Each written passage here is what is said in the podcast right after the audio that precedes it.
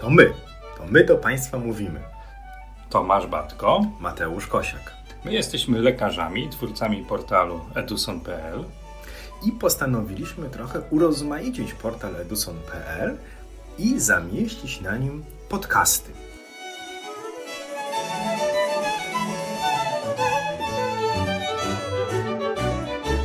Dzień dobry. Dzień dobry. No i co tam?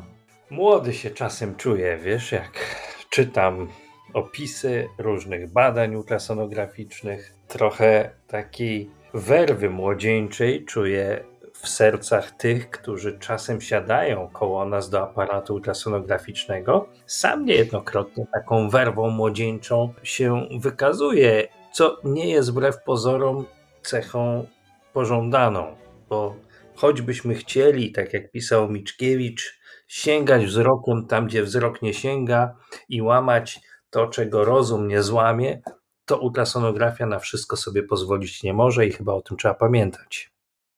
Rozwiń temat dla słabszych, żebym nadążył, zawieszczem. Ja celowo, wiesz, zawieszczem nieco mieszam, bo nie chcę pewnych rzeczy mówić wprost tutaj między nami, ale w naszym gronie myślę, że możemy sobie na to pozwolić. Mam taką słabość do ultrasonografii, im dłużej się nią zajmuję, że coraz częściej zdaję sobie sprawę z tego, że ultrasonograf to nie mikroskop i choćbym chciał postawić to ostateczne rozpoznanie, choćby mnie kusiło nazwać daną zmianę ogniskową tak, jak widziałby to patomorfolog pod mikroskopem, to coraz częściej zdaję sobie sprawę z tego, że nie do tego służy to badanie. To badanie ma wyznaczyć pewien tor diagnostyki, pewien tor myślenia o naszym pacjencie, ale nie może często postawić tego ostatniego rozpoznania, bo nie do tego ono służy i nie ma takich możliwości. Prosta sytuacja, przychodzi do nas pacjent, wykonujemy badanie USG tarczycy, tam zmiana hipochogeniczna, niejednorodna, nieostro ograniczona, z widocznymi mikrozwapnieniami. Powinniśmy napisać EU TIRAC PL5,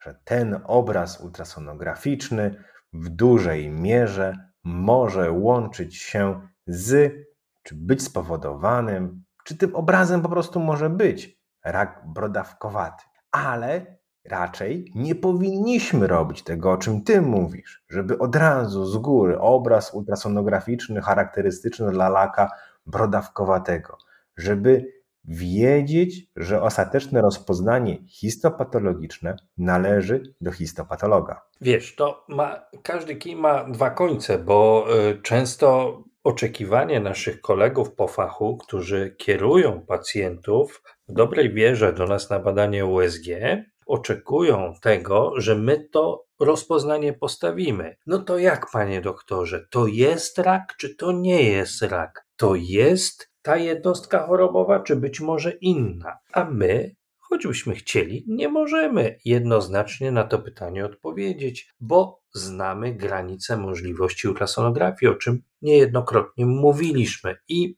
ja chyba chciałbym po raz kolejny przestrzec i siebie, i państwa, i ciebie może też przed tym takim młodzieńczym wezwaniem do tego, żeby być, żeby jednoznacznie stawiać rozpoznania, mówiąc najkrócej jak się da. Zgadzam się z Tobą, ale na przykład, jak sam powiedziałeś, kij ma dwa końce. I z drugiej strony też zdarzają się opisy na przykład TU wątroby, TU nerki, Wątroba z cechami lezio na przykład. Takie, takie opisy, tak. Mhm. No i teraz, czy ten TU wątroby to naczyniak, FNH, gruczola, krak, przerzut? Rozumiesz o co chodzi? Że zmierzam do tego, że czasami można za bardzo aż pójść w takim kierunku lakoniczności czy wieloznaczności opisu, co na pewno gdzieś tam bezpieczne dla opisującego, ale nie zawsze wnosi nam to, co powinniśmy tego do diagnostyki naszego pacjenta wnieść. Zobacz, po raz kolejny w naszych podcastach. Dochodzimy do wniosku, że najważniejsza jest równowaga, najważniejszy jest zdrowy rozsądek, najważniejsze jest wyważenie między tym, co to badanie może pokazać, a tym, co my powinniśmy też móc zobaczyć, bo to, co mówisz, jest rzeczywiście pewnego rodzaju wentylem bezpieczeństwa, który wielu z nas stosuje idąc na pewnego rodzaju łatwiznę. Być może jest to czasem skutkiem pewnych błędów, które udało się nam popełnić w naszej pracy zawodowej i braku akceptacji tego, że kiedyś znowu się pomylimy. I wtedy łatwo jest wpaść w takie schematyczne myślenie. Bezpiecznie jest napisać, że coś widzę, ale niech inni się martwią, co tam widzę. A wielu z nas na początku swojej pracy zawodowej bardzo łatwo i szybko stawia ostateczne rozpoznania, często te histopatologiczne. Tutaj trzeba się z jednej strony troszeczkę powściągnąć, z drugiej strony trzeba też, zanim napiszemy ten wynik, opis, sugestie, wniosek, jakkolwiek tego nie nazwiemy, zastanowić się, czy możliwości tego naszego badania zostały przez nas wyczerpane. Czy skorzystaliśmy z opcji doplerowskiej, która mogłaby nam coś tutaj wnieść, czy skorzystaliśmy z elastografii, czy wzięliśmy pod uwagę odpowiednią ilość chorób, odpowiedni zakres diagnostyki różnicowej, po to, żeby nakierować naszego pacjenta czy lekarza, który opiekuje się tym pacjentem, na dalszy właściwy tor rozumowania i dalszy właściwy tor diagnostyki. Ja się z Tobą całkowicie zgadzam. Miałem na przykład pacjentkę, która miała liczne zmiany w wątrobie, zmiany te miały charakter przerzutowy, a nie można było znaleźć ogniska pierwotnego, gdyż ono było nieduże, znajdowało się w ogonie trzustki położonym grzbietowo u pacjentki dorosłej, otyłej.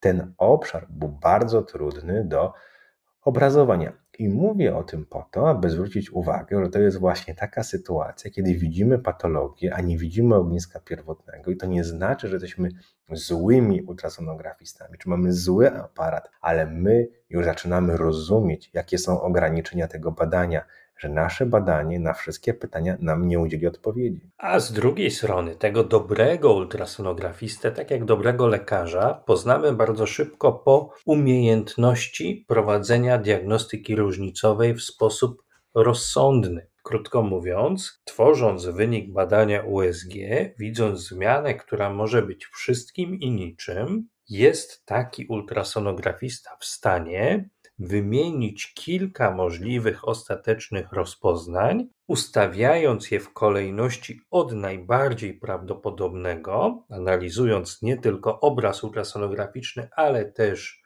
dane z wywiadu, dane z dodatkowych badań, z którymi przychodzi pacjent, a skończywszy na tym najmniej prawdopodobnym rozpoznaniu. I to jest coś, co jest dużą pomocą dla osoby, która potem taki wynik uzyskuje która jest w stanie ze swoim doświadczeniem powiązać to, co widzi na opisie badania USG.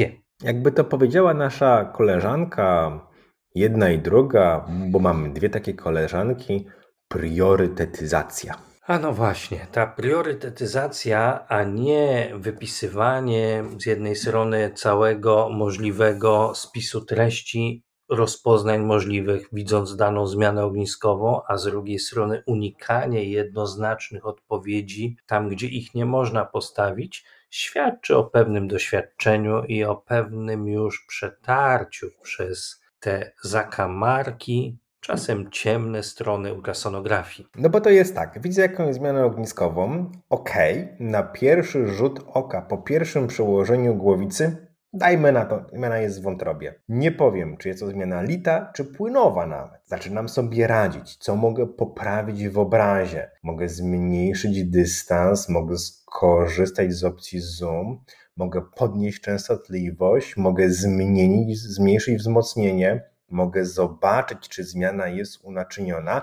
Ba, mogę odłożyć głowicę po to, żeby sięgnąć po inną głowicę. Jak mam elastografię, mogę zacząć bawić się i tą techniką obrazowania. My też musimy mieć świadomość, że to nie jest tak, że nawet jak jesteśmy bardzo blisko rozpoznania histopatologicznego, to ta nasza bliskość nie wynika z tego, że spojrzeliśmy na zmianę i łaska naszego patrzenia skontaktowała się z tą zmianą, no i wtedy wiedza na nas spłynęła. Tylko pomiędzy wykryciem tej zmiany a sformułowaniem wniosku jest jeszcze bardzo wiele czynności, które my wykonujemy. niekiedy zmiana jest tak położona, mówię tu o osobach otyłych, z dużą objętością gazu w przewodzie pokarmowym, gdzieś tam dolny biegun nerki, że naprawdę mamy wątpliwość, czy torbiel z gęstą zawartością, czy mamy do czynienia z zmianą litą, z guzem nerki. Wtedy odpowiedzmy sobie na jedno pytanie czy dalsze badanie cokolwiek wniesie, skoro już ze wszystkiego, co, co mogłem, skorzystałem. I zdajmy sobie sprawę, że choćby tutaj na naszym miejscu był inny ultrasonografista,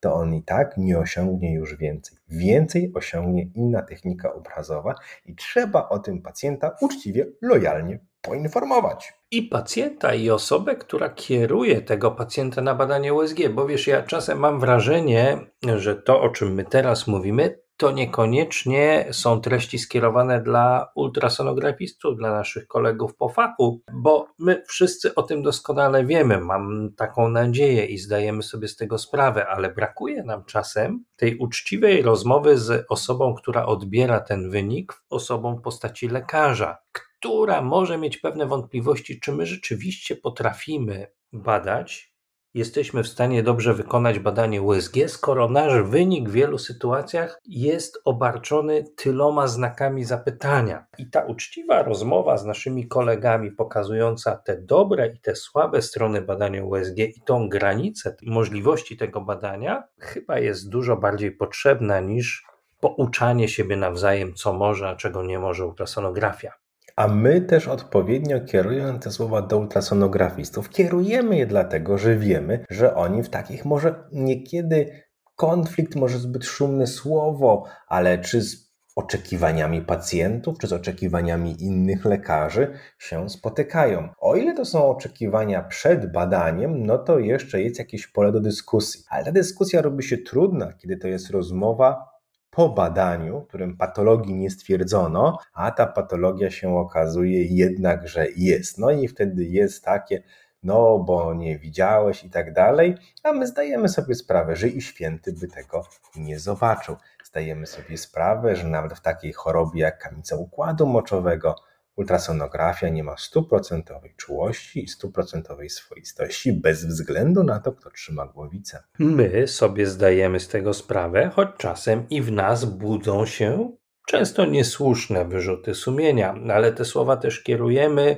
jako pewnego rodzaju słowa, które mają być otuchą dla tych z nas, którzy pracują gdzieś w zakamarkach samotnie na rubieżach ultrasonografii i nie mają tego wsparcia, które jest w stanie im powiedzieć: Słuchaj, więcej już nie mogłeś zrobić, choćbyś chciał, wszystko zrobiłeś, co tylko mogłeś. Pozdrawiamy.